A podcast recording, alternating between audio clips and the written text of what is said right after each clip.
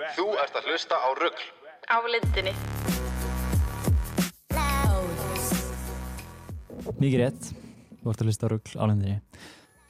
Það sem við ætlum að spjalla um hér í dag, ég, Inga og uh, Lilja Wow. og ég ég verandi Davíð.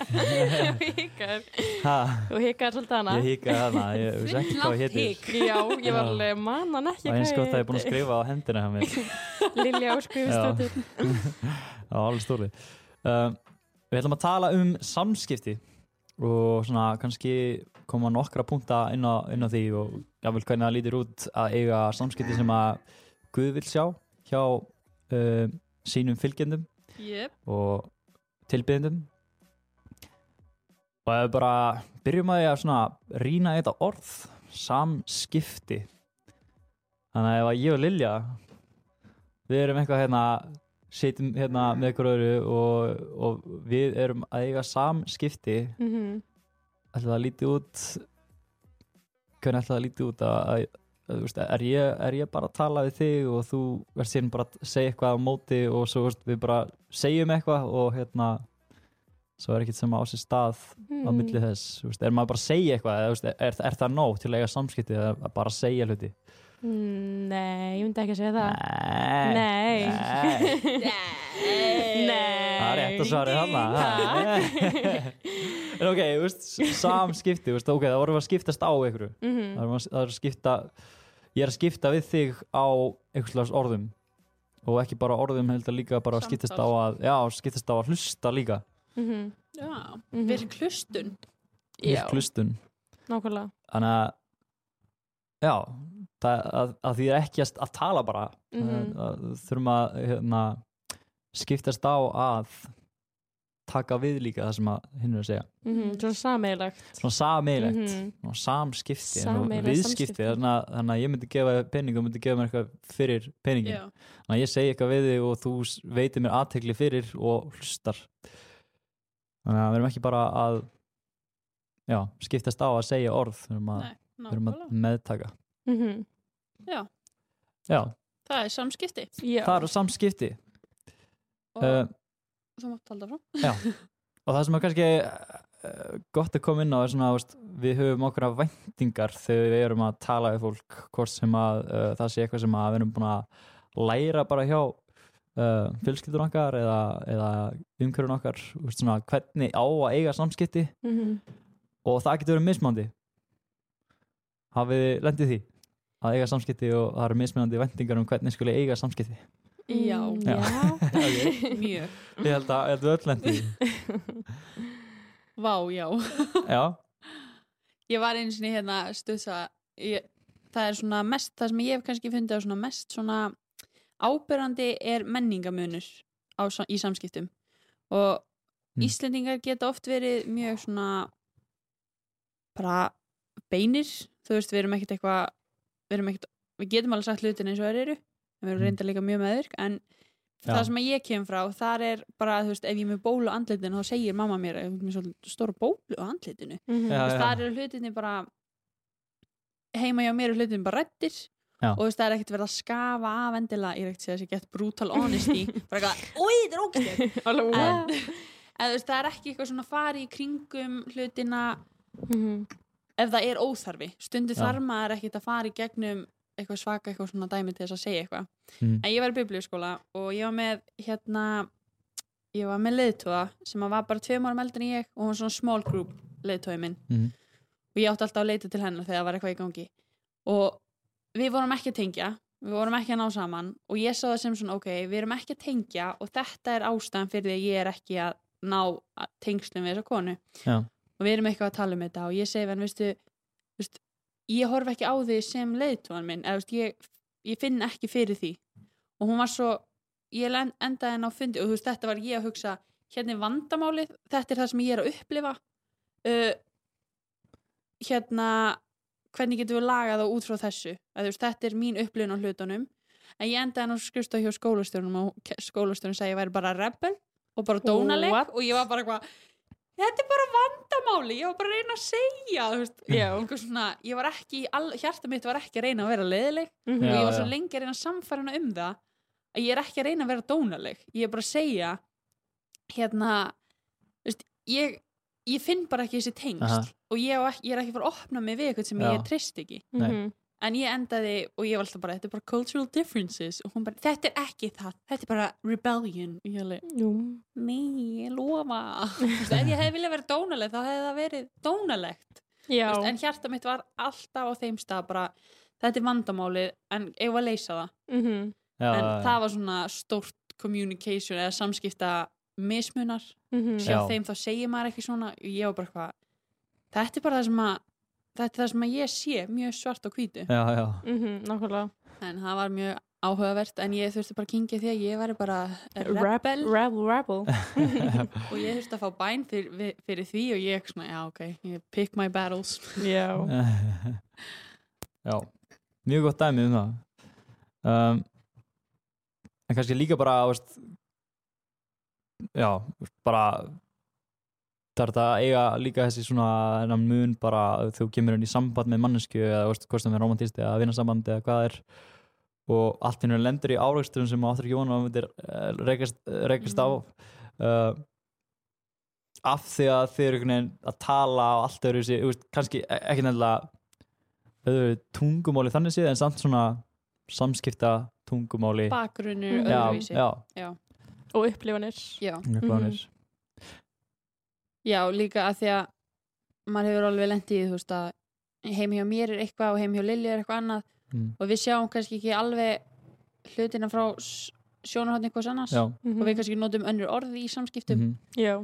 eins og ég er að koma frá heimila sem er ekkert eitthvað mjög háfleigð orð og svo, Eins og ég kom að heimilega. Nei, og svo eru skil. sem koma frá Já. það sem er rosalega háflegt og ég er bara ha, skil ekki neitt í stundum Já. hefur maður spjallað við Davíð að Berglind og maður eitthvað, hvað þýðir þetta? Það er bara allt öðruvísi kúltúr, það er ekki slæm Mhm. Já. og ég er ekki að segja mitt sér slæmt, heldur er það bara öðruvísi nálgun á hlutina Já, já. samskiptin eru öðruvísi já, Mhm, algjörlega algjörlega, sko. ég, sko, já, pappi minn sko kemur af heimilið þar sem að hann ólst upp við að papp já, sko, ok, pappi hans var svo sett rúmlega 50 þegar hann fættist wow. þannig að hann ólst bæ, bæði upp í sveit þannig að hann var ekki í einhverju borgarslangri alltaf að einhverju, Mhm. hann bjóði þeikabærum og var að alast upp með fóröldurum sem voru sko Eldri. nú þegar búin að eignast tíu börn Wow. þannig að hann var 11 í rauðinni Sæl. og þar lærði hann eh, gömul orð af eldra fólki sem, að, sem að var alan upp þannig að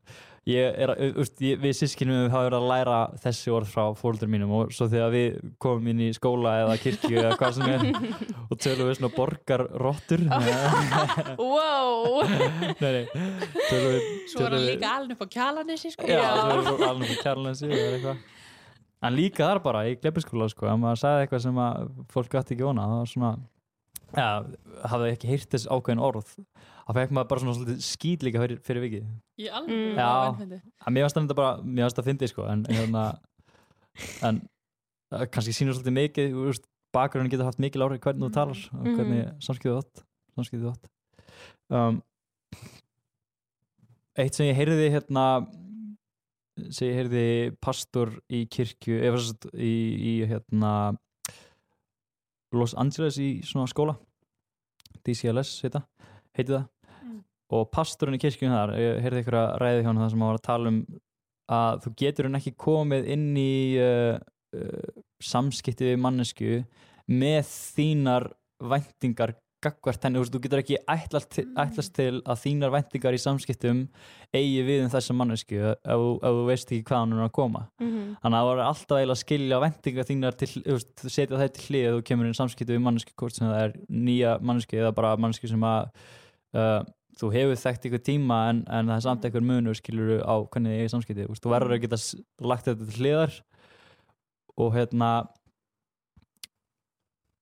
annarkvort uh, bæðið með því að sína náð þegar, veist, þegar hún á ekki samskipti eins og, eins og þú og kannski er eitthvað svona, veist, þeir finnst eitthvað óþægilegt í, í samskiptunum. Mhm. uh, og líka bara að geta, ég líka bara sagt fyrirfram, ok, hey, veist, svona svona, hérna kýs ég ekki að tala, eða svona kýs ég ekki að í samskipti skilur, veist, þú verður að leggja þetta til hliðar eða bera það fram uh, áður þú kemur fram fyrir manneskjuna og ætlast bara til þess að hún tala við þig eins og, Mm. eins og hérna, þú talar við fólki kringu ykkur Mm. og þetta var sannlega ég hef, sem sagt, ég hef farið í heimsók þarna uh, til frenda minn sem var í skólanum ári áður en ég kom hann út og þá heyrði ég þessa ræðu. Og svo kom ég og var í hérna, herbergi með tveimur görum. Og þetta nýttist bara fáralega mikið að hafa, hafa heyrt þetta bara já og ég get ekki, ég get ekki bara hérna, átt von á því, ég get ekki bara eitthvað vænst þess að þeir tali eins og ég tala eða Mhm. þeir hérna, haga sér eins og ég haga, haga mér. Mhm. Já, eða svona er í sama stuði. Já, líka akkurat. það myndar svo mikið vonbrið ef maður kemur, veist, eins og segjum Aha. ég sé eftir hress og er Já. svaka hátt upp og ynga til dæmis búin að hafa ömulan dag þá get ég, ætla, mm þá get ég ekki ætlast til þess að hún sé á sama stíð og ég. Mhm. Já. og það bara myndar svo lila stemmingu já, ef maður svona ætlast til þess að hér manneskjan, já, eins og þess að segja bara, mhm, þú veist, er á sama stíð og maður er sjálfur já. mm og þetta var alveg, þetta var alveg sko, það sem að nýttist mér kannski best var að sjá þetta þannig að við vorum að koma þarna allir frá sikkur á landinu reynda þeir báðir frá hérna, Norður-Ameríku, Kanada og, og Bandaríkinum en allir samt einhvern veginn að koma úr mismöndi kultúr. Einn er að hafi búið í Paraguay eitthvað tíma og svo var hinn sem hafi búið í ykkur svona uh, ég ætla ekki að segja ghetto, hann sem sagt bjóð í New York fylki og við rauninni svona aðeins svona hvað ég segja, þú veist. Hann bjóð ekki ghetto hann bjóð samt í svona veist, meira svona hérna, lægri stjætta umhverfi. Já, akkurat. Þannig að veist, við vorum allir að koma úr sikkur á áttinni og, og hérna og ég var bara að gera svo vel að bara að, að hérna, sætta mig við það að við vorum ekki allir hérna, töluðum ekki allir eins og, veist, og eitthvað. Og það kom alveg upp á það sem ég var svona leið ok, við við allir leifir bara að segja hlutina svona, að nó- notar þessi orð og svona, mm. bara mm, ok en það var bara svona munur sem að, sem að þurfti svona aðeins að gefa hinn um sens á að þú veist, ok ég get bara. Já. -hmm. sínt þér að ég, ég á öðruvísi samskipti það er mjög fyndi ég, ég kem einmitt frá meira svona líbó, þú veist ég er alveg upp í kirkjunni og Mhm. mamma mín og- er mikill hefur alltaf verið leiðtói innan kirkjunar og svo er ég náttúrulega verð fljótt leiðtói sjálf innan kirkjunar en ég kem frá svona heimilið þar sem að hlutinni bara svona já, já, þú veist svona meira bara líbó. En við erum ekki, þú veist, það er ekki blótað eða eitthvað svoleiðis en það er samt svona það er ekki sjúkla formlegt og Mm. svona casual dæmi. Og svo fer ég inn á heimili þar sem að er svona meira formlegt og ég kann mér stundum ekki. Ég er bara svona, mér finnst ég vera komin inn í eitthvað dramma og það er svo, veist það maður vil heldur ekki vera eitthvað gett dónulegur og sína heimilin sem maður er að koma inn á vannverðingu. Mhm.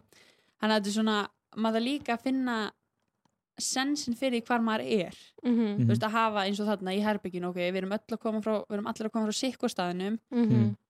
þú veist, ég var einmitt í herbyggi með, við vorum fimm stelpur og það er allar frá Kanada og ég ein frá Evrópu, veist, Íslandi Já. það var mjög áhugavert ég var ein oft bara eitthvað hvað er að frétta hérna og þær hafa öðru glott verið við mér bara oh my goodness Mhm. en þá er mitt, þú veist, ég er svo oft að eitthvað svona, ok, þetta er bara öðruvísi öðruvísi kúltúr og eitthvað Já. og mamma vinnur hjá ABC og hefur farið í marga ferði til Afríku og hún hefur stundir satt mér sögur þar sem hún er í samskiptu við fólk í Afríku eða Pakistan eða eitthvað Mm.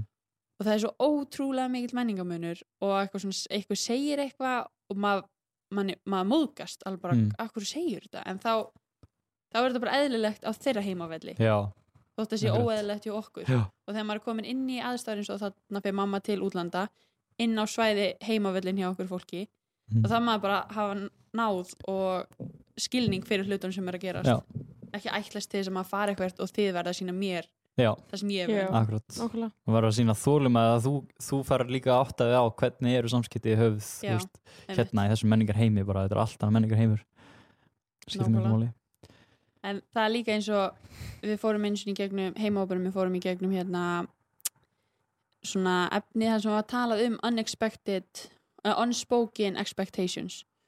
Mér finnst það svo ótrúlega gott að fara í gegnum það. Er svo ofta sem maður er í samskiptu við fólk. Hvort sem maður er í ástarsambandi eða bara vinasambandi eða þú veist hérna professional sambandi við fólk að það er alltaf ykkur expectations og ef maður segir Mm. það ekki þá getur maður ekki verið pyrrar ef þeim er ekki mætt. Já, Þú veist, ég verið á í vinasambandi þar sem að var rosa háar væntingar til mín. Svo er alltaf bara eitthvað eitthvað vesen og ég eitthvað býtu hvað er að gerast? Já þú þetta og ég var bara what, hvaðan kom þetta? Mm, já, og þú veist þá svona kemur það manni að óveru, segir maður. Já, já, sko mig. Kemur það manni að óveru að því að maður veit ekki ó ég gerði þér eitthvað en ég vissi ekki að ég gerði þér eitthvað því ég vissi ekki hvað ég átti að vera að gera. Já, en það var einmitt eftir það þá bara rættu við ok veist, ég ætla að stiðis að þetta sé. Mhm. ok, ég skal gera mitt besta að mæta því en það kannski er ekki í mínu karakter eða eitthvað svona veist að hugsa ok ég þarf að hafa samband þarna, ég þarf að muna eftir þessu. Þannig að ef maður leggur sér allan fram við það að virða þær væntingar sem að vinir hafa eða eitthvað svona. Já, en við skulum samt ekki drepa vinin með fullt af væntingum. Nei. nei, akkurat. En já, ég hérna uh, ég man eftir svona GLS uh, svona kennslu Mm. GLS er þetta þarna Global Leadership Summit og hún er haldin, hefur verið haldin á Íslandi í, í nómabir uh, og ég farið á, farið á það og man eftir inn í kennslu þar sem á að tala um sko akkurat runni svona menningarmun allavega, veist, í það skipti að vera menningarmunur milli, milli ríkja og þar var svo að eitthvað ég held að það hafi verið það var í Japani sem að fengin sem starfskraftur inn í fyrirtæki og átti að gefa sitt svona input inn í ímislegt og hérna bara sérfræ, sérfræðingur sínu sviði og eh, var bara geðið fegin að fá þetta tækifæri þetta var stórt fyrirtæki og hérna svo mætti hann á fund og fundi með hérna sennilega ekki stjórn fyrirtækisins en bara einhver nefnd Mm. sem hann satt í og það voru kannski svona réttum tíu manns eða eitthvað og og þar voru menn bara að skiptast á að, veist, að gefa sér input og, input og, og, og segja það sem að láða þeirra huga á og hvað það var. Og fyrstu þrjá, fjóra fundina hafði hann aldrei neitt að segja. Það var það að, það var það sem að fólk held hann hafði aldrei neitt að segja um það sem að þeir voru að tala um og, hérna, það sem að umræðan byndist að hverju sinni eða, eða bara veist, það sem að verða annarkvort að ræða um gagvart fyrirtækjunu eða hvað var. Og hérna og hann á samræði við einhvern annan og maður heyrir, heyrir, heyrir, sikkur á hliðina af runni, þessum fundum Mm. sem hann, hann kemur af fundinum og hann er svo, hann er svo pyrraður á því að hérna, að fá aldrei tíma til að segja neitt. Að meðan á hinni hliðinu var það að fólk kom út á fundinum og hugsa hefur hann aldrei, hefur hann aldrei neitt um málið að segja hefur, hann, hefur hann ekkert input í þetta fyrirtæki þú veist, er hann ekkert að reyna hérna, að leggja sig fram veist, við að, við að hérna, koma með svona betrumbætur en það sem að um, hérna, menningarmunur sá að það, að það líður miklu stittir tími á milli þess hver uh, þegar hver og einn talar í bandaríkinu versus Japan. Í bandaríkinu er það, er það rauninni þá gefur upp svona tal, eh, tölur um sko uh, í bandaríkunum þegar fólk skiptist á því að tala þá eru mínus hálf sekunda eða eitthvað eða mínus svona er- er mínustala á því hversu langur tími líður á milli þess sem að fólk skiptist á orðum af því að þú ert farin að tala inn í setningu Já. næsta manns Mhm. þannig að þú áttur á því og hann er að fara að klára ég er að koma, komast Já, inn í hérna er þetta er rosa ríkt bæði bandaríkjum og líka hérna á Íslandi Já. ég bara maður tekur þessu að það sem að fólk tekur fram hérna uh, geppar fram í fyrir hverju alveg Mhm. kaþurna og í Japan er svona það var eitthvað meðaltalið 6 sekundur eftir að hver og einn mann talar og ef við teljum það bara núna það er bara 1, 2, 3 4, 5 6, þú maður tala Inga María Já, takk fyrir Já. Og þetta. Já. þetta var það sem hann var að býða eftir hann var að býða eftir bara sínum Vá. sjens til að segja eitthvað að hafa eitthvað inn í hérna, koma með sitt input inn í umræðuna og gafst aldrei færi á því að það var allir að gefa fram í hvorum örum skilur og hann var bara að koma í allt öðru sem menningu. Og það þurfti bara að hreinsa þetta upp það, það þurfti einhver að koma inn í bara og segja hei, sjáu þið hver þessi menningamunur er skilur, í Mhm. þessum samskiptum. Það var mjög að fyndi að, að hérna, að sjá þetta. Og kannski er þetta eitthvað sem við þurfum líka að hugsa út í þegar þegar við hefum samskipti við annað fólk. Kannski eru Íslendingar sem að býða í að minnstu kosti þrjá sekundur eftir því að ég hef ekki hýrt hann til, allavega. það er svona í mestalagi sko ég er ekki mikið fyrir veist, mér finnst það svona óþægilegt þannig að ef ég er eitthvað staðar og það er eitthvað sem maður veit ekki hverju maður að hilsa eitthvað þá er oft svona marga sekundur á milli. Já, að því að maður er eitthvað svona "Hva- hérna, já, ég- hvað ég segja? Já. en ég, ég get ekki þögnina stundum sko. Nei. Mm. ef ég er í samskiptu við fólk sem ég er ekki vöna í samskiptum við mm, það finnst mér rosalega óþægilegt þegar það er mikil þögn. Þá svona þá finnst mér ég þurfa að fylla upp í eða einhver er að eða ég er að eiga erfitt samtal veist, og það er svona, það er þögn of lengi þá fríka ég út og tala þannig að kemur eitthvað. Svar. Nei. ég hef alveg, ég hef oft gert það, veist, ég þurfti samt að læra að bara eitthvað svona stoppa Mhm. og býða bara Líka bara mun að þú berð ekki alltaf ábyrð á öllum Nei, samtölum. Þetta er Já, það já. að dýrmæta sér lært um alveg samskiptum. Maður ber ekki alltaf ábyrð á Nei. samskiptum, eða þú veist. nei það er alltaf, st- þú veist, staðar og stund til þess að bera ábyrð þú veist, eins og Mhm. ef maður er leiðtói og maður er Já. eitthvað svona þá náttúrulega þarf maður svolítið að halda uppi umræðum Mhm. en einmitt, bara í svona vinarsamskiptum þá er það ekki alltaf bara á mig samskiptum Lilju Þetta er tveggja eða pluss. Manna vinna.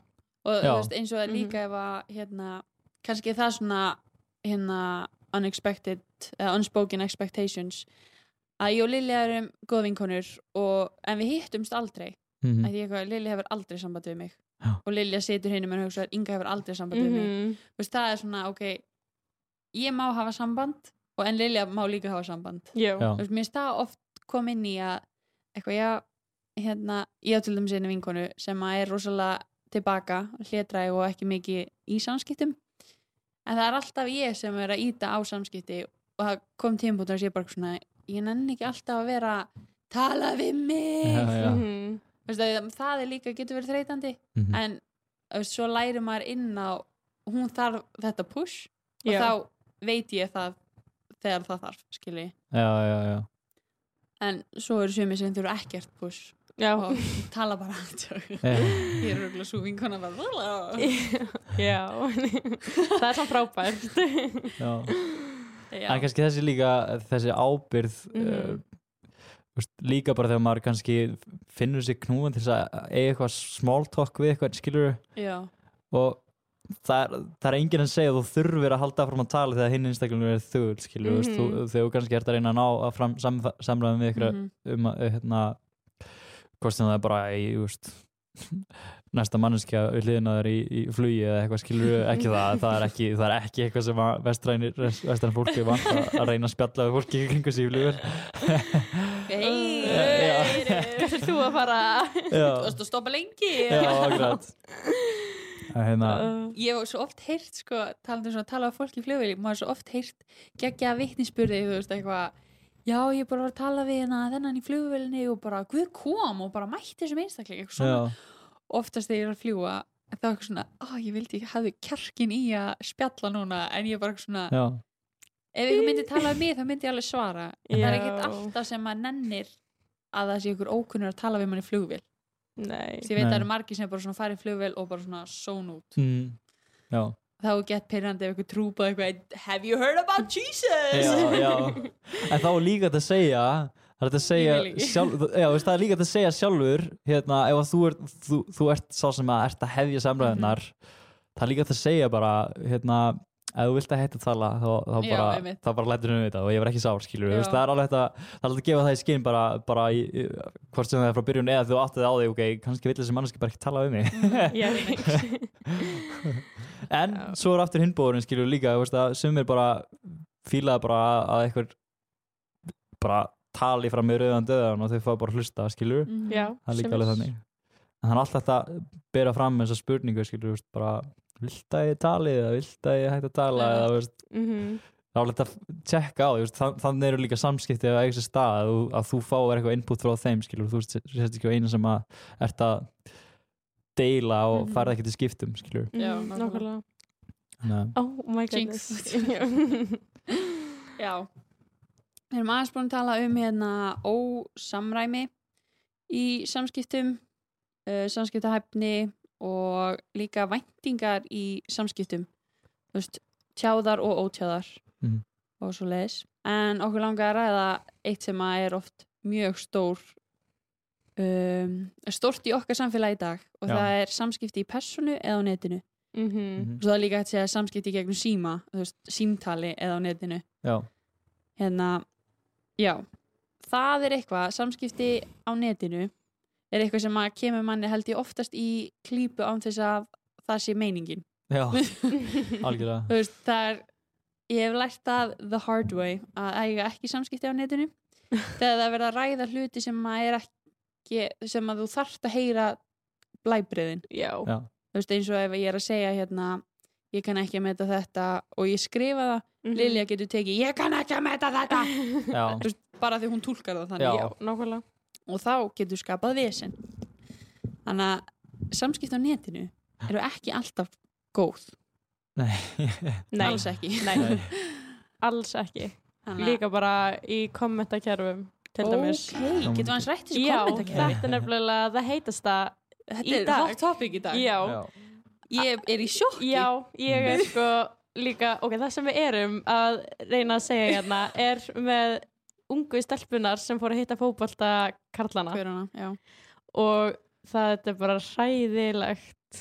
Já, sem Ég- sagt, já, á ég segja frá þessu. Mhm. þetta var sem sagt tveir karlar sem er að spila fyrir England. Britland England, og þeir buðu þeim upp á hótelherbyggi og voru, er það ekki? Ég bara Og- veit ekki um já, það ok, ég veit ekki um og það að voru það sem hafi sagt að brjóta það sókvænalög og það er bara Já. fólk að segja til sérstakur staðar í helviti fyrir þessar stelpur og séturuslur og Að- ógstægar setja Og skömmina yfir á þær. Æ, voru þeir rekna landsliðinu greið þeir til allt þeim að kenna, stelpunum að kenna og darararara mm, og ég er í sjökkja 2020 já, ég las einhverja fæslu á hérna vísi það sem að voru einhver rithöfundu, leikarar og eitthvað svona einhverja konur bara. Mm -hmm. sem þessu, vá hvað ég er fegin að samfélagsmiðlar voru ekki til þegar ég var 20 ára. Já, að mm, því að vá ég væri búin að sk- sko, hans, fremja hérna mannorðs sjálfsvík eða eitthvað Já. svona, bara wow sumi hluti sem að maður gerir á bara ekki fara á netið. Nei, ég líka, ég mann þegar þetta gerðist og eitthvað sagði mér þetta, að því ég er ekkert eitthvað mikið fylgjast með fréttum, Nei, þá var ég bara eitthvað, já ok mér Já. hefði ekki geta verið meira drullu sama, ég var bara, þær fóru upp á hótelherbyggis þær fara þá bara í sókví eða eitthvað. Já. en síðan sá ég all kommentin mm, og ég var bara, nenni aðeins að anda. Já, þetta eru bara þær eru Sjokki. 19 og 20 ára.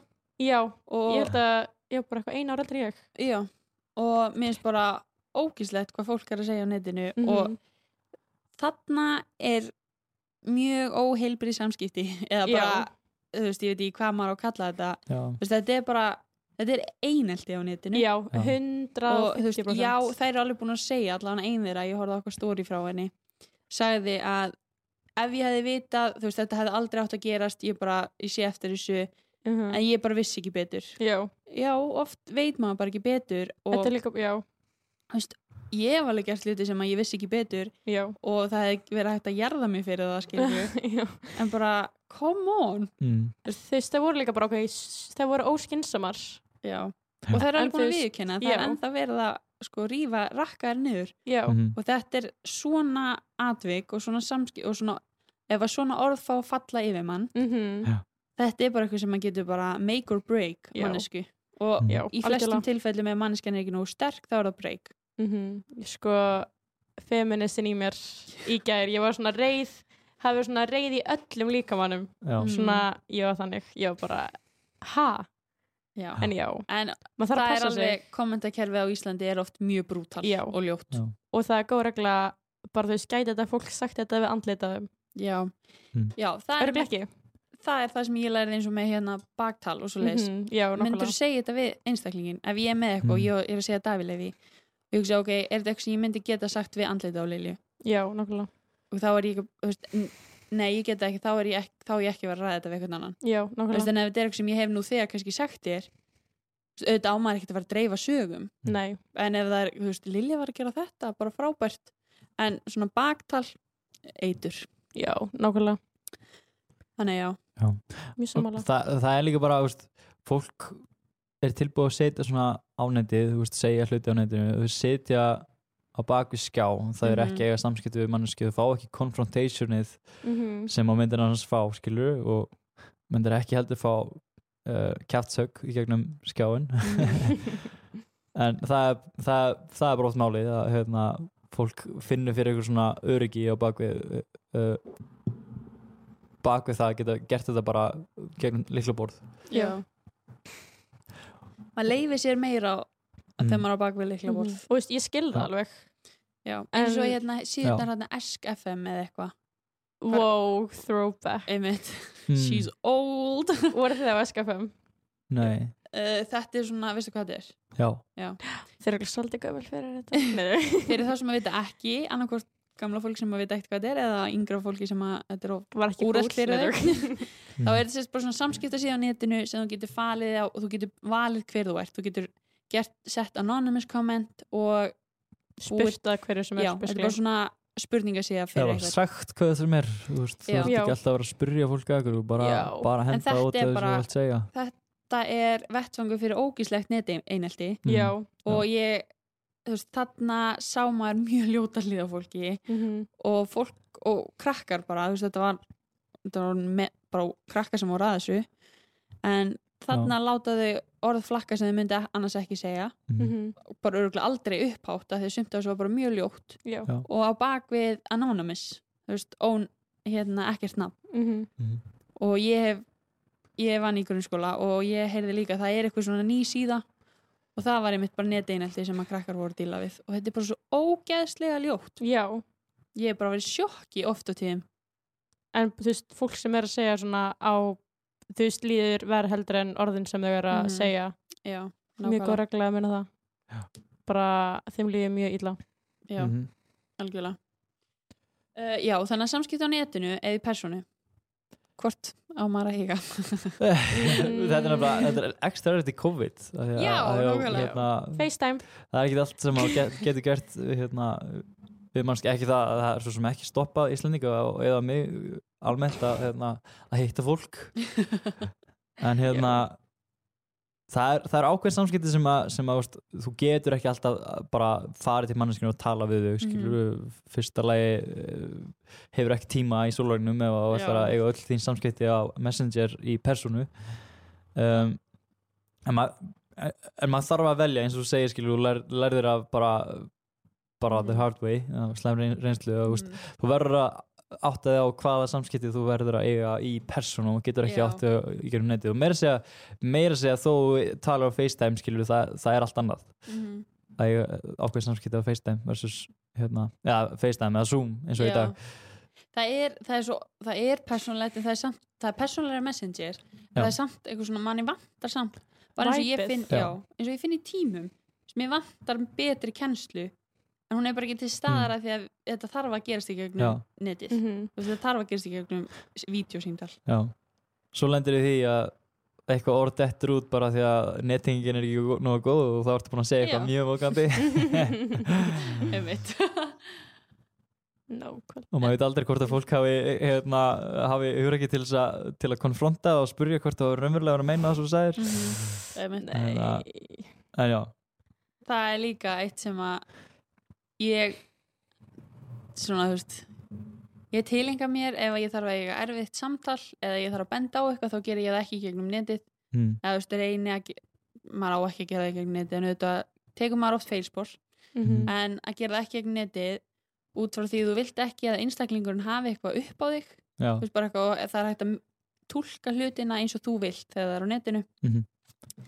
og líka bara upp á einmitt blæbriði og svona uh, ég veit um einmitt viðskipt, fólk sem er viðskiptum og það er kannski segjum að ég sé að uh, hvernig hef ég að orða þetta ég er að kaupa viðskipti af einhverjum, þú veist eins og ef að Davi er að gera mynd fyrir mig, þú veist, Mhm. grafískur hönnur eða eitthvað og hann er að Já. gera mynd fyrir mig en hann er bara ekki að fara eftir samningnum ég ætla ekki að fara að senda honum bref ákveðið bref í gegnum Facebook eða e-mail, heldur frekar að tekið upp símón og segja, heyrðu, hérna samningurinn okkar sagði og þú veist, er ákveðin en ekki dónaleg Já. en ef maður sendir það í neti að þá er hægt að mistúlka það og einstaklingur getur tekið það sem svona Hót. hótun eða Já. eitthvað svona blackmail á móti Mhm, nákvæmlega. það er líka vondalendi því sko Já, fú Já. og svo bara líka svona, st- stíllinn sem maður á samskipti á netinu er oft búst, bara svona stuttarsetningar skilur Já, og sem þarftu bara að nota öll þín orð, öll þín orð til þess að, til þess að túlka ákveðin hátt og, og tjá ákveðin hátt. Ég, já, það er aðal ástæðan fyrir að ég hérna, fíla ekki að tala á mikið á Messenger. Ég fíla ekki að eiga mikið samskipti á Messenger. Því ég vil helst geta sagt allt sem ég er að hugsa. Mm. en hérna, já. Já, Já. ég sko, ég finn að ef að fólk sendir mér ekki emojis þá túlka ég að mannska sér reyð þannig að ef, Já. ef ég er í Mm. samskipti við fólk þá nota ég uh, emojis ég var alltaf svona ég, mér finnst, ég veit ekki af hverju, þetta er bara Já. svona ég verða að sína þér að ég er í alveg að meina þetta vel Alveg, já, já! Já, já, ég já. man líka, ég var alltaf ógist, ég var bara ógist móka að fólk ég mynd notaði ekki broskalla eða uppröpunarmerki eða, mm eða svona lagði ekkert í setningarnar sem þau voru að skrifa en sem var ég bara, ég verða hægt að vera svona auðvist láta tilfinningarna mínar snúa svona mikið kringum annað Já, fólk, einmitt. Mhm, mjög góð regla. Já. Mhm. og líka að því, þetta er- að því þú veist ekki endilega hvað, hvað fólk er að meina með það að segja. Mhm. þú, hei, þú heyrir ekki hvernig það segja það, þú sér ekki andlitaðan þegar það segja. Það er ótrúlega erfitt að fara að reyna að túlka í það Já, og ekki reyna það. Já. eða hérna thumbs up. Thumbs Já, up, nei sko Bara- baby boomers thumbs up. Mamma er alltaf að hlusta. Hún er alltaf ók og sé thumbs up. Einu svona var ég eitthvað, Já. elska þig. Og hún setti thumbs up í orðið. Já, ká. Já, en hún meinar þetta örugglega bara eitthvað að þið skeggjað já, akkurat. já, sko, ég móðgast ef að það sendir mér einhver náinn mér thumbs up. Mm, það er bara eitthvað, þú ert pyrruð og eins og með Kristjánu, ef að ég sendi eitthvað hvað var það, óg eða thumbs up eða eitthvað, þá veit hún það er eitthvað off, það er eitthvað í gangi hjá mér af því að það er ekki ég að senda thumbs up.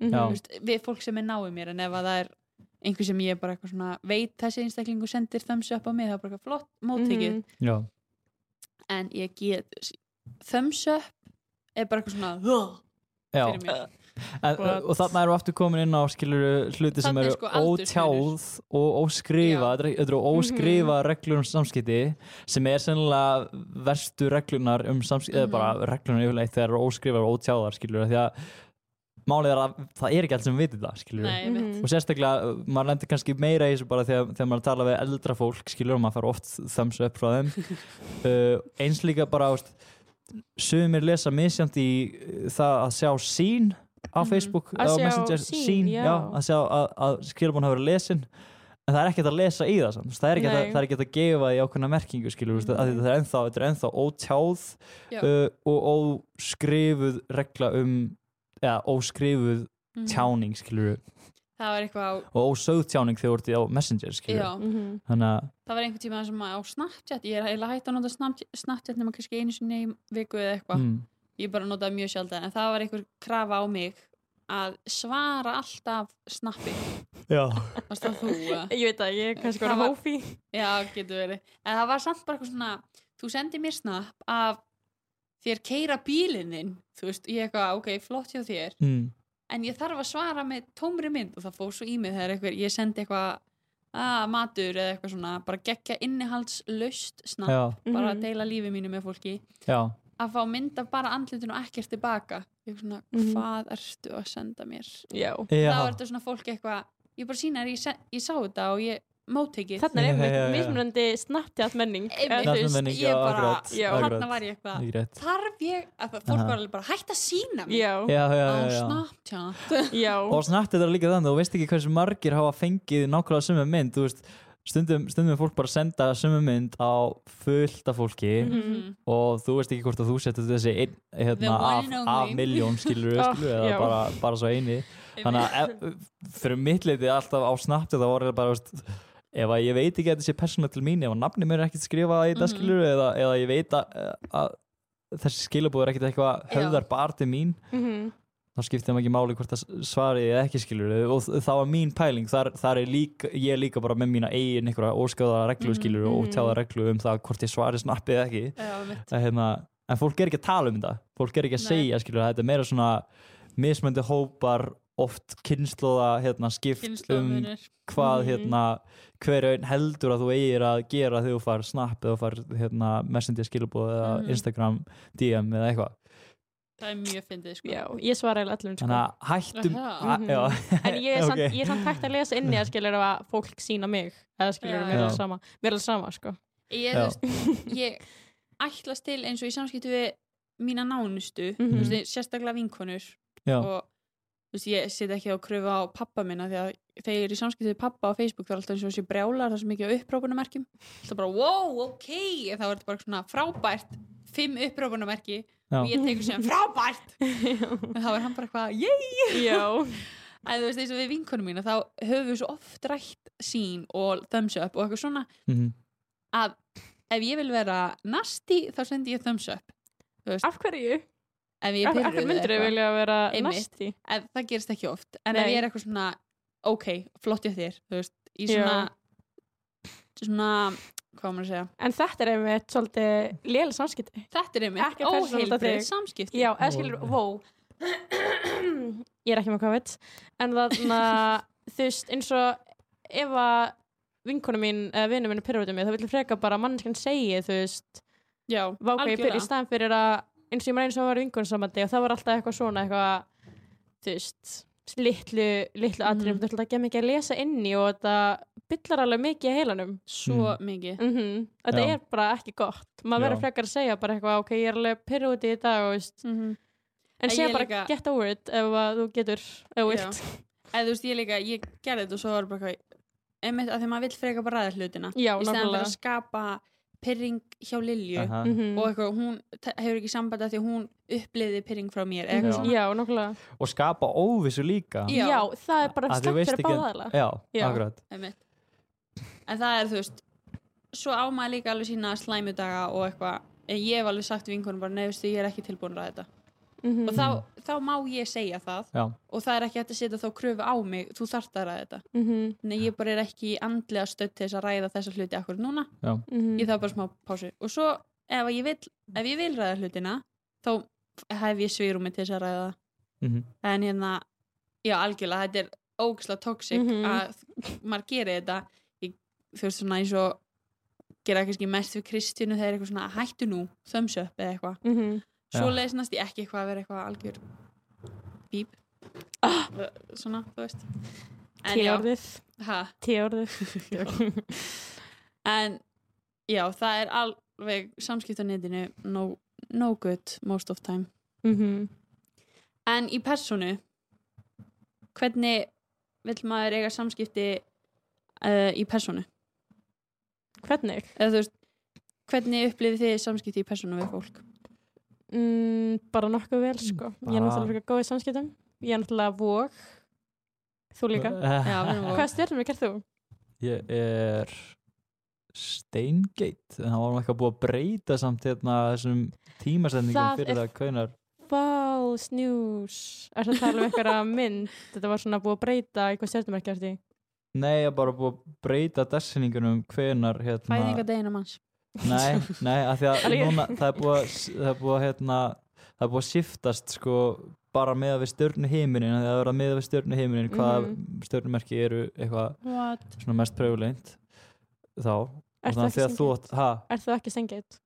jú ég held það. Já. en það eru samt einhverjar breytingar búið að eiga sér stað á dessinningunum í stjörnumerkjum. En ég les ekkert í ekki ég, bara, ég pæla ekki í því en þetta finnst mér það hjátrú Ó. ég les ekkert í Ég svo, ég sá einmitt ég eitthvað frá þér eitthvað, mesta vógin, ég alveg, what is it even mean Andjóks. En þarna, já, samskipti personu. Mhm. bara um, eins og ég var að segja á hann þú veist, bara uh, ekki uh, láta tilfinningar einu snúast svo mikið um annað fólk þú veist, eins og ef ég er ekki eitthvað úr skapi og þú ert í vondurskapi ekki draga sjálf mig niður mm Mhm. -hmm. skilur vera bara eitthvað, ok, just bye eða eitthvað, bye ekki Felicia. en þú veist, setja grímin á mig áður en að Mhm. hjálpa þér. Já, Já. algjörlega. Mm það er mjög áhugavert svona samskipti að ég ég og Einar Aron, við erum mjög ólík hvað Kærastinn. það var kænastinn en hérna eins og það er búið að vera mjög mikið challenge fyrir mig að fatta samskipti í ástarsambandi. Þú veist að maður kannski er annarkort opnar í samskiptum eða loka, þú veist, það er bara mjög áhugavert process.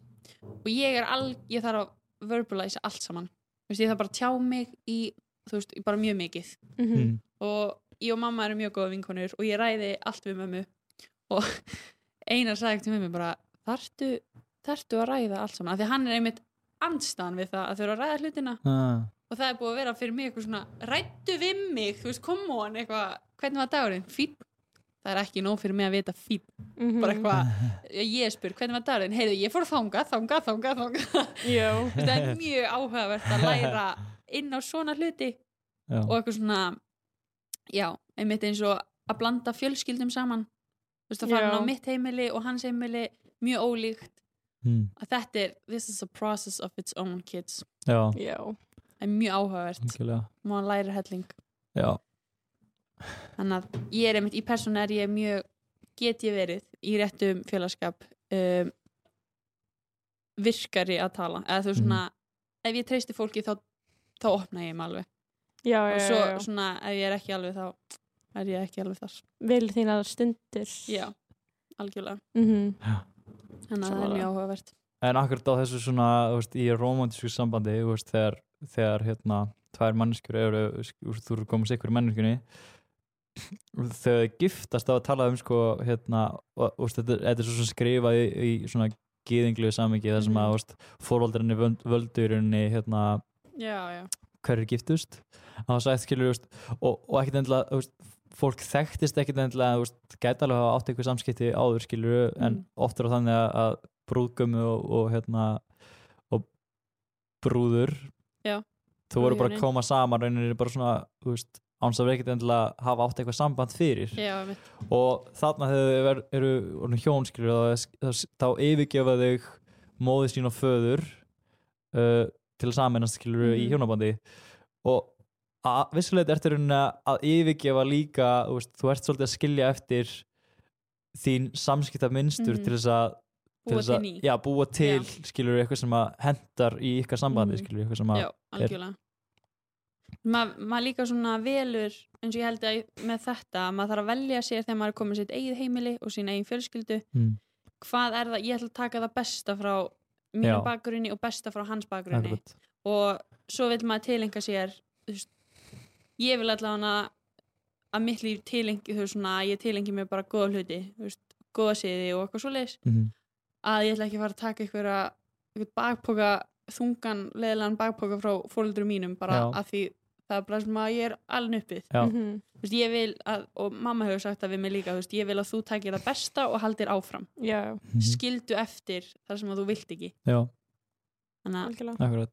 og sama með þú veist, eins líka bara ef, þú- ef þú ef- hefur einhvern tímann átt léleg samskipti við eitthvað eða, eða bara óheilbrið samskipti þar sem að það er bara, veist, það er bara stöðu ósætti eða stöður áristir eða hvað það, er, það er klálega eitthvað sem þú vilt reynsa upp á hann að fyrir alveg börn, skilu, þú vilt ekki sína, sína börnuðinum að, að, hérna, að það sé bara í læg eða, það sem þau sjá er já, mamma og pappi eiga svona samskipti við eitthvað fólki kringu sig Mhm. ég get sérlega gert það líka Já. skilur, Mhm. átt óheilbrið samskipti og það er bara Já. hægt að sitja í pókahóndinu skilur Mhm. og, og ekki endilega bara þú eignast börn skilur eða eignast maka skilur heldur bara að vinna í því að Já. eignast góð samskipti við alla þá sem, að, sem þú umgengst Já. það var einmitt Fanny sagði við mig í byrjun ás að hérna man ekki okkur fórum að ræða þetta örgulega tengt sambandinu eða eitthvað. Mm. en hún sagði eitt ráð sem ég gef fólki sem er komin í sambandi eitthvað að frá byrjun að samskiptin séu í lagi. Að frá byrjun að það séu opin samskipti að það séu ekki verið að fel eitthvað. Þú veist af því að það upp á þú veist og svo ertu kannski komin inn í eitthvað svona spiral af þetta en þú sagðir þetta þarna og hvernig passar þetta núna? Já, að það séu bara opið samskipti frá byrjun og hlutin séu Mhm. bara rættir strax og oft þýðir það að ræða óþægilega hluti en maður það bara komst í gegna for the sake of the relationship. Mhm. í staðan fyrir að vera komin sópöldlundi teppi og þá ertu bara komin í eitthvað óheilbrygt samband. Mm án þess að ætla það bara því að hlutinu voru ekki rættir Já, nokkulega. þannig að nummer 1, 2 og 3, opin samskipti í öllu.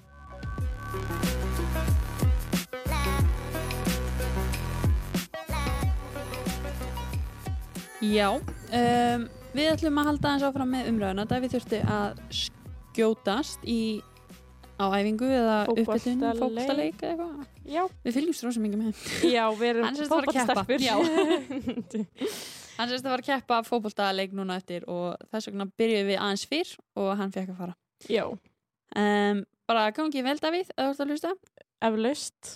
byggðum fyrir þér. Við erum sérst búin í umræðefninu samskipti og við vorum aðeins byrja að koma inn á óheilbrið og heilbrið samskipti Erst þú með eitthvað, einhverjar pælingar þar? Óheilbrið og heilbriðsarskipti. Já. Um, já. Uh, vómar, vókitat út. En hérna bara að lítið sinn eigin barmstundum. Já.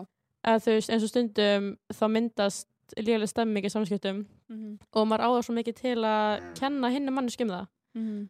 En stundum það er það bara manni sjálfum að kenna og ég er ekki að þú veist segja að það sé alltaf þér að kenna, mm. sjálfur að kenna. Nei, nei. en eins og um daginn þá var bara ekki lélega í samskiptum, samskiptum hjá mér og einn af vinkunum minni og ég var bara vákvæmni leiðileg eða þú veist, ég var bara hún er bara ógæslega pyrrið og eitthvað en sem breytti ég hugafærinu mínu og þá var allt miklu betra Mm maður stundum að horfa á þetta frá öðrum sjónarhóttnum Já. heldur en alltaf að kenna hinn mannskinum Já, 100%. já, Og ég held að sé líka bara mjög mikilvægt upp á mann ei, veist, eins og þú segir að breyta sínu hugafari og og þú veist það er ógæslega erfitt að kíkja inn á við og svona Mhm. hv- hvað í mínum samskiptum hefði ég geta gert betur. Mm en ég held að sé ótrúlega ég, ég veit að það er ótrúlega þroskandi og ótrúlega bara gott fyrir mann að því að maður lærir að því. Maður lærir ekkit að því að kenna ég lærir ekkit að að kenna Lilju um allt saman. Mm nákvæmlega. Þá er ég alltaf fórnalamb já, og það er ekki það er ekki góðu staðar að vera á að vera alltaf fórnalamb þá er maður alltaf grei já, alltaf að vorkenna sjálfur sér. Já, í staðan fyrir svo- að bara taka ábyrð og þú veist, Mhm. maður þarf ofta að taka ábyrð og þú veist eins og sem leiðtogi þá þarf ég ofta að taka ábyrð og hugsa bara ok, þetta var kannski ekki alveg rétt múf ég þarf að, það sýnir miklu meiri karakter að segja þetta var ekki rétt hjá mér, ég byggðist ásökunar Mhm. eða fyrirgefið, þú veist, við hefum kannski frekar átt að gera þetta. Það sýnir svo ótrúlega mikið karakter að geta sagt frá feilsporum sínum. Nákvæmlega.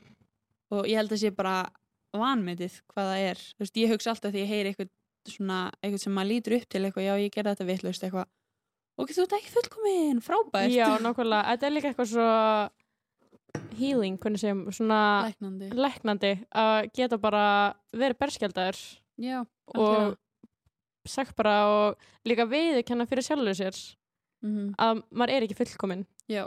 algjörlega. Já, og ég held það er bara ótrúlega stert maður það er alltaf staður og stund fyrir það. Þú veist, maður á ekkert Mhm. alltaf að vera eitthvað uh, eitthvað fyrirgjöðu ég gerir mistök. Já, eða, þú veist, maður það líka velja sér það, maður getur verið í hóp þar sem maður segir ég gerði mistök og þá er það að nota gegn manni alltaf já, já. það já. er heldur ekki gott og það er bara ógislega leðilegu staður að vera á En þú veist, ef þetta er að hefta þig mm og ef þetta er, þú veist, hind, hindrun fyrir þig, Mhm. þá ættum maður kannski að vera svona, er þetta mér að kenna? Get ég að tala við einhvern annan, þú veist, er þetta þeim að kenna? já, algjörlega Mm þannig að ég held ég er einmitt að læra bara sjálf að það er alltaf lægi að gera mistök Mhm. og það er alltaf lægi að vera vulnerable þú veist ég er búin að eiga alveg frekar skýtt sumar Mhm. og bara mikið að gerast andlega. En ég er rosalega gjörn á það að bara svona díla það sjálf. Mhm. en þá er ég búin að loka á fólk í kringum mig af því að ég er að díla það sjálf. Já, í stæðan fyrir að segja bara hei ok um, mér líður bara ekki vel. Og svona new information. Og við lærum það líka í heimahofnum eins og með unspoken expectations. A new information ég ætla, mér líður ekki vel en ég þarf ekki að ræða það. Þú veist, ég er bara að díla við það. Og þá er það nóg, af því þá veit Lilja ok, Inga ekki 100% akkurat núna. Mhm. og það er alltaf leið, ég hef skilning og gefinni náð Já, nákvæmlega. og ég þurfti, þú veist, eitthvað tíman var ég hann svo pyrruð út í hérna ég rætti aldrei veikindi mín við fólk að því ég var bara, það skilur mig enginn. Já, og þá sagði vinnu, vinnu minn við mig ertu búin að útskýra? Ertu búin að útskýra fyrir fólki hvað það er? Að því að veist, þetta kemur í bylgjum og þegar þetta kemur og kannski lengi þá verður líka minn svo þreyttur og ég verð andlega þreytt og ég verð pyrruð og stuttur í mig þráðurinn. Og þá einhvern tíma var ég að vinna eitthvað verkefni ég bara svona, ég gat ekki meir að því að það var búið að vera það var alltaf að gerast í líkamannu mínum á sama tíma og ég bara snappaði og svona hvæsti eitthvað út frá mér og það fólk var bara eitthvað wow og eftir það þurfti ég bara að skoða sjálfa mig. Er, er ég að útskýra fyrir þeim hvað er að gerast hjá mér? Og svo já, tók ég stund þar sem ég bara ok, hérna mig langar að beðast afsökun á þessum daginn en ég, þú veist, ekkert enn en hérna það sem er að gerast hjá mér og það sem að fylgja mínum veikindum er da da da da da, da. mhm, og þá var bara svona miklu meiri skilningur fyrir því ok, hún er nýbúin að vera að gera þetta þá kannski er þreita já, nokkulega en maður á samt alltaf að vera þú veist, ég er ekkert alltaf bara eitthvað, ó ég er svo slöpp núna. Já, veist, en- já, ég skilur, en skilur stundum þá dætt maður breyna gýr við sín nánustu. Mm Þú veist, alveg óvart að ég ætla ekki Mhm. að snappa hana eða hvæsa á vini mína en þetta var bara svona aðstæðina buðu ekki upp á það að ég, og líka með minn buðu ekki upp á það að vera ekki yfirveguð. Já, nokkulega og þá einmitt þurfa vini mínir að sína mér náð og ég þarf að sína sjálfur mér náð bara eitthvað, ok, þetta var feilspor en ég gerir bara betur og ég ætla að útskýra fyrir hvað er í gangi hjá mér. Já, algjörlega. Og það þá er ég líka að taka valdið eða eitthvað frá þeim að vera pyrru út í mig. Þú veist, að fara að nota það gegn mér, skilur eitthvað, þú gerði þetta. Nei, ok, hún gerði þetta út, það er ástæða. Mhm, algjörlega. En ég er samt ekki að segja að ástæður afsaki alla hegðun. Nei, ég er líka búin að læra ógæslega mikið hérna undarfarið að stu- stundum þá bara er maður pyrrar mm -hmm. en ekki þú slóta að bytna á fólki sem er ekki að kenna. Mm Viss ég er ekki að segja þetta, skilur þú að segja þetta. Viss Já, ég skil þig ótrúlega vel.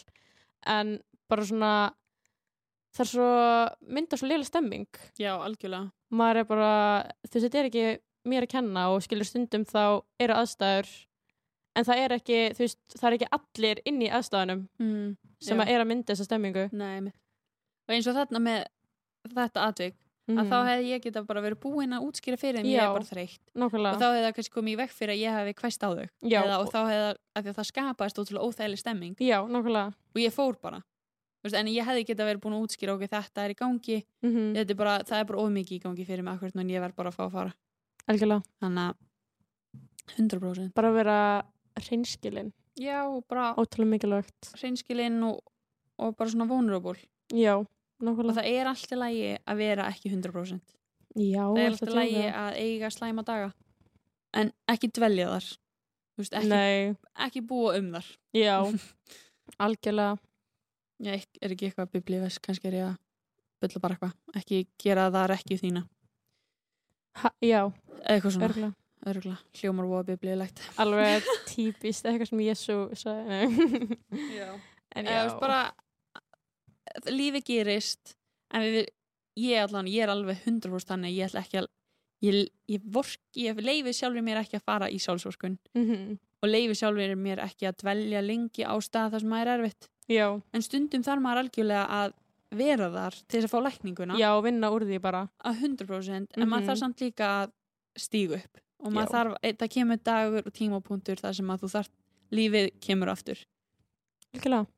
Þannig að, já Vá, hvað vorum við að ræða? Þetta var eitthvað svakalegt. Um, en já uh, okkur langar aðeins að koma inn á það búið að vera allan á Instagraminu hjá okkur.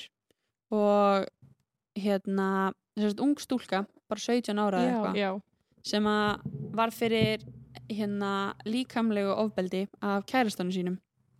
Og hann gekk bara illa í skrokkin á henni og e, fyrir nokkrum mánuðum gerðist þetta. Að ég man ég sá svona eitthvað á Instagram þá og maður var alveg sjokkuraður, hún var heldur mm Mhm. þrýbrotin í andlitinu. Já, þetta var bara svakalegt þetta var bara rosalegt og hann hefði bara geta gengið, al, gengið frá henni þarna sko. Mm og bara drefið hana.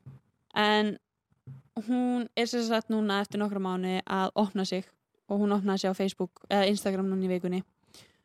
Og ég var að lesa þetta og ég hugsaði bara vá, það eru auðvitað miklu fleiri en við gerum okkur grein fyrir sem að eru í líkamlega andlega ofbeldis sambandi Já, algjörlega. Og mér finnst það bara sláandi að hugsa til þess að 17 ára stúlka hafi lendi í svona. Já, og bara líka það að ég hef alveg heyrt af sögum sem að af konum sem að eru í eða köllum sem eru í ofbeldisfullu sambandi.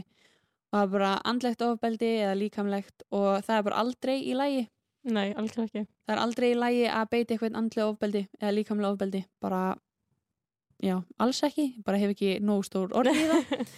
Don't do it, en já. En okkur langaði líka því að í september er Suicidal Prevention Month sem sagt sjálfsvíks uh, kom í vekk fyrir sjálfsvík eða ég veit ekki, er bara svona þú veist, að vekja um, umræðu á þessu. Mhm, og aðtekli og svona. Já, bara vekja aðtökli á sjálfsvígum og okkur langar bara aðeins að koma inn á það að ef að þú ert einstaklingu sem er ert í ofbeldisfull sambandi hvort sem að makiðinn er að beita þig a- líkamlegu ofbeldi eða andlegu ofbeldi. Og eins og þessi stelpa sagði sko ég, ég gat ekki fara í burtu.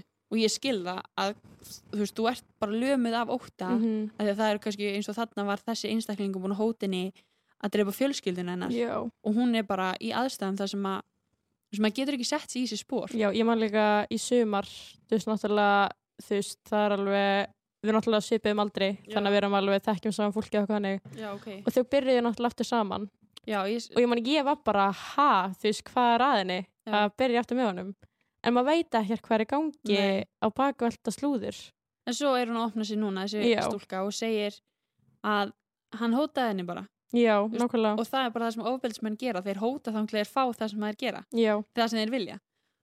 Og veist, þannig að okkur langaði bara að geta að koma inn inn og segja þú veist, þú ert ekki ein eða einn. Mhm, og þeir tölum um þetta í kallmennsku þættinum og það strákar verða líka fyrir ofbeldi, andlu eða líkamlu af algjörlega. kærust eða eiginkonu. Það er bara, það er bara þakka niður í því. Já.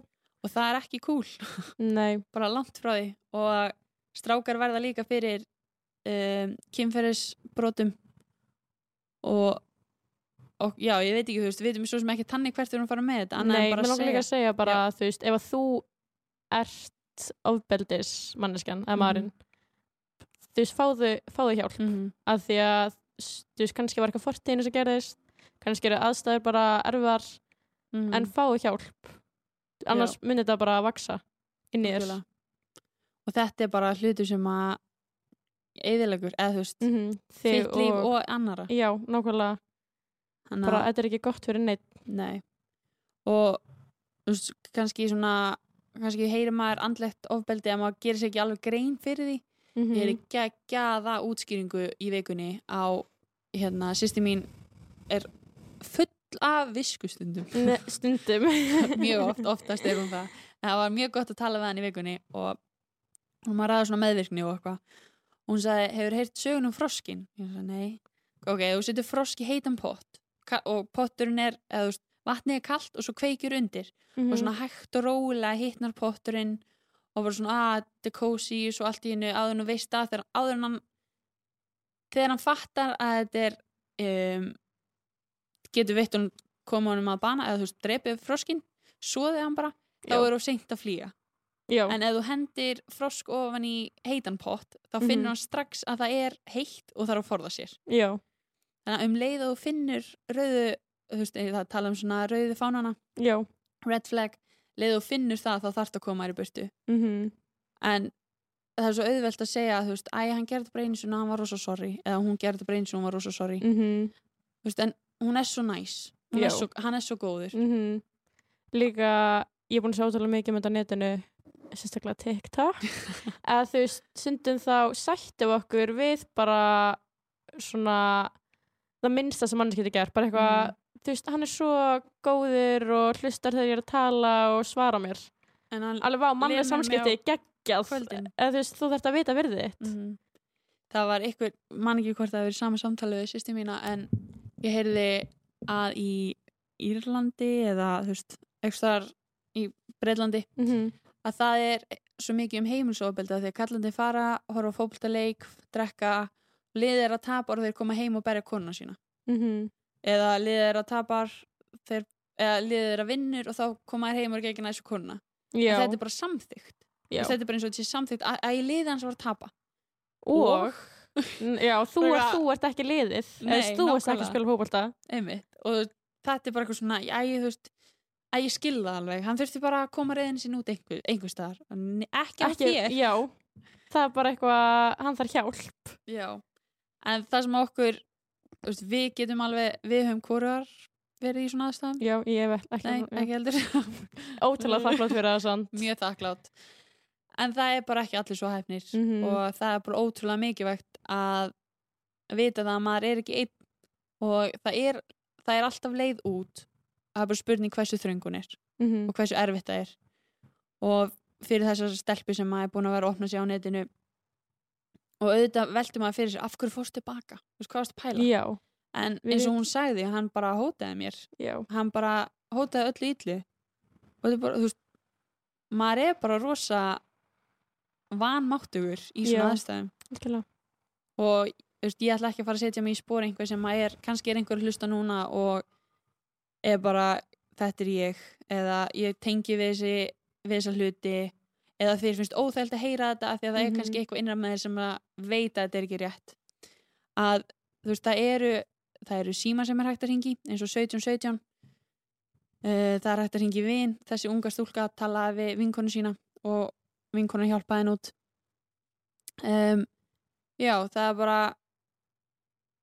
fjölskylda veist, um leið og maður opnar á þetta og hættir að fela hlutina held ég að þá sé þú lappar ekki nema að taka fyrsta skrefið.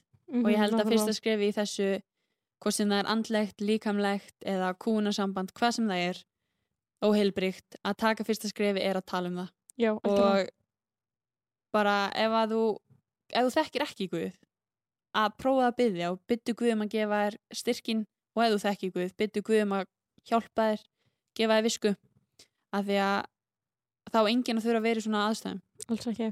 Og ég þekki stelpu á vink, áttu vinkonu sem að var komin í ofbeldi samband lík andlegt. Og mér fannst bara ógíslega erfitt að horfa upp á það en ég gati ekkert gert af því að hún var ekki að viðurkenna það. Já, sá það ekki eins og allir hinni sá það.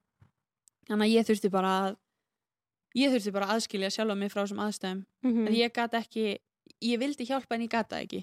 Já, nákvæmlega. Þannig að líka ef að maður er í aðstöðu, ég benti á það en það var ekki ég var bara leiðileg við það er að ekki benda hægt á að það. hjálpa fólki sem Nei. er ekki tilbúið að fá hjálpuna þannig að ef að þú ert líka vinkona eða vinur eða fjölskyldumæðlumi sem er að horfa upp á svona byttu bara fyrir veist, það er eina Mhm. sem við getum gert ef að einstaklingurinn er ekki tilbúin að takast á við það eða bara byggja fyrir þeim og að byggja Guð um að grípa inn í. Og veist, ég trúi því að Guð er stór og hann getur talað og hann mun alveg gera það. Þannig já. En það er allavega síminn 1717 fyrir þá sem að vilja hjálp í dag. Mhm. og ef að þú ert einstaklingu sem að ert eh, ég var að lesa hérna frétt frá 2018 og það stóð um, sláandi tölur um tilraun ungmenna til sjálfsvíks þetta er fyrir tvei mánu síðan 350 drengir og 613 stúlkur sögust hafa gert tilraun til sjálfsvíks eitthvað tíman á æfinni þetta er frá skýslu embættislæknis. Mhm. Þetta var greinilega eitthvað einhver hérna hvað heitir það? Eh, eh, rannsókn sem var gerð. Þetta er bara vondar tölur að heyra. Já, þetta er mjög sorglegt. Ég hef sungið jarðaför hjá uh, einstakling sem tók sér degi líf. Það var ógislega erfitt og það er bara maður á ekki að vera á þessum stæði lífinu. Og ef þú ert á þessum stæði lífinu þá langar fólki að hjálpa þér, okkur Mhm. langar að hjálpa. Uh, við í reyti og rugglurum til staðar, það er Mhm. ástæðan fyrir að við erum með þess að þætti er að við viljum vera til staðar fyrir fólk. Þannig að ef það er þú þá máttu senda okkur lína á Instagram. Ringi 1717 ringi 1717 mm. ringi vinkonu, tala við fjölskyldum vin uh, fara sálfrængs já, já, bara þú ert mikilvæg eða mikilvægur og þú átt að vera hér með okkur. Mm. og þú ert þú ert svo mikils virði að ég ég fæ bara hjarta mitt brotnar þegar ég sé einstaklingar sem veit ekki hversu, hversu elskuðu eru.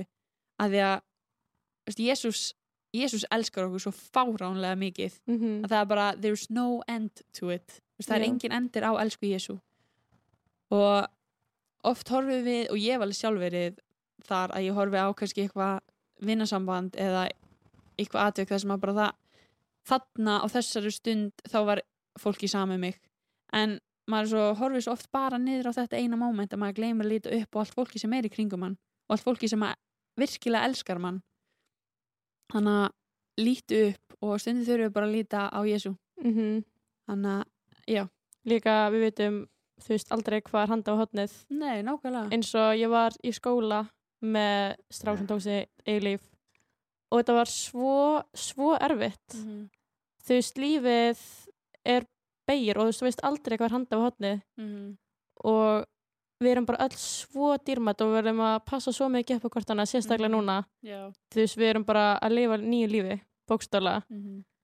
og þú veist, kíki ef, ef ykkur finnst vinur ykkar vera eitthvað öðru sem nefnarlega skilur spyrja bara, er alltaf læg Mhm. spyrja bara einu sinni uppátt Já. það getur berga mannslífi og bara verið til staðar Mhm. það er ótrúlega mikilvægt Já.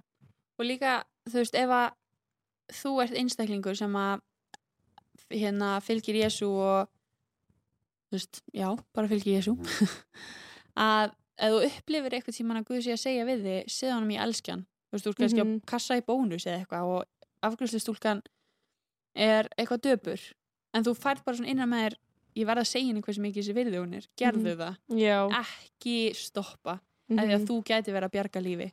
Veist, ef, ef, maður, ef maður er nóg djarfur og hlustar á Guðs þegar hann er að tala og bara gengur út í því þá mun Guð blessa það. Þannig að ég man allan einu sinni þá var ég á kassa og ég sá stelpu og ég upplifi bara svona, ég var að segja henni að Jésús elskar hana og horfði hendur hennar og hún var öll búin að skera sig og greinilega bara leið illa. Uh, en ég gerði það ekki. Og ég hef alltaf séð eftir því hvers skipt sem Vá. ég fer inn í þessa búð þá hugsa ég um þessa stelpu.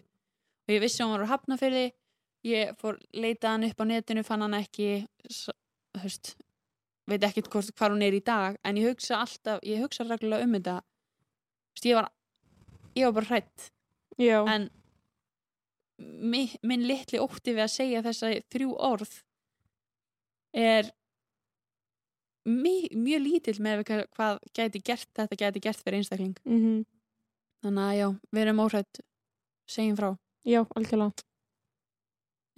Er eitthvað meira? Nei, fórum að tala mikið um já. Þá Eh, er okkar verkið lokið hér í dag. já, það er rétt. Já, við erum búin að vera hérna í dag. Um, já, við erum reytjórugl já, og ég heiti Inga. Ég heiti Leili Ósk. Og Davíl hefur var hérna. En við ætlum að kveika hérna á einu lagi fyrir ykkur. Yes. Og já, bara ef að það er eitthvað sem að þú vilt tala við, þarft að tala við eitthvað 17-17, vinkona, vinur við, hérna reytjórugl nei, alveg, ef þú bara átt finnst þér ekki einhvern veginn að vinna tala við, senda okkur. Já, það er ándist ekki skrítið. Nei, bara ekki neitt og við viljum, við viljum frekar vera til staðar heldur en ekki. Mm og það er bara algjörlega þannig. Já, þau getið sendt okkur á við erum allstaðar sko. Við erum á everywhere. persónulega á Facebook persónulega á Instagram og með Instagram rugl já. Þannig að og Snapchat. Eru á Snapchat? Ég er á Snapchat. Lilja er á Snapchat. Lily Wish. Og. TikTok. Já, ég líka TikTok. Já. vá, en já, ekki hika við að hafa samband ef það er eitthvað. Já. Við viljum vera til staðar. Okkur þykir væntu þig, Jésús elskar þig. Mm þú ert algjörlega þess verði að Einn fá að vera einu. með okkur. Einn dag einu, Mhm. gott, mjög gott. Endum á þessu, takk í dag. Bye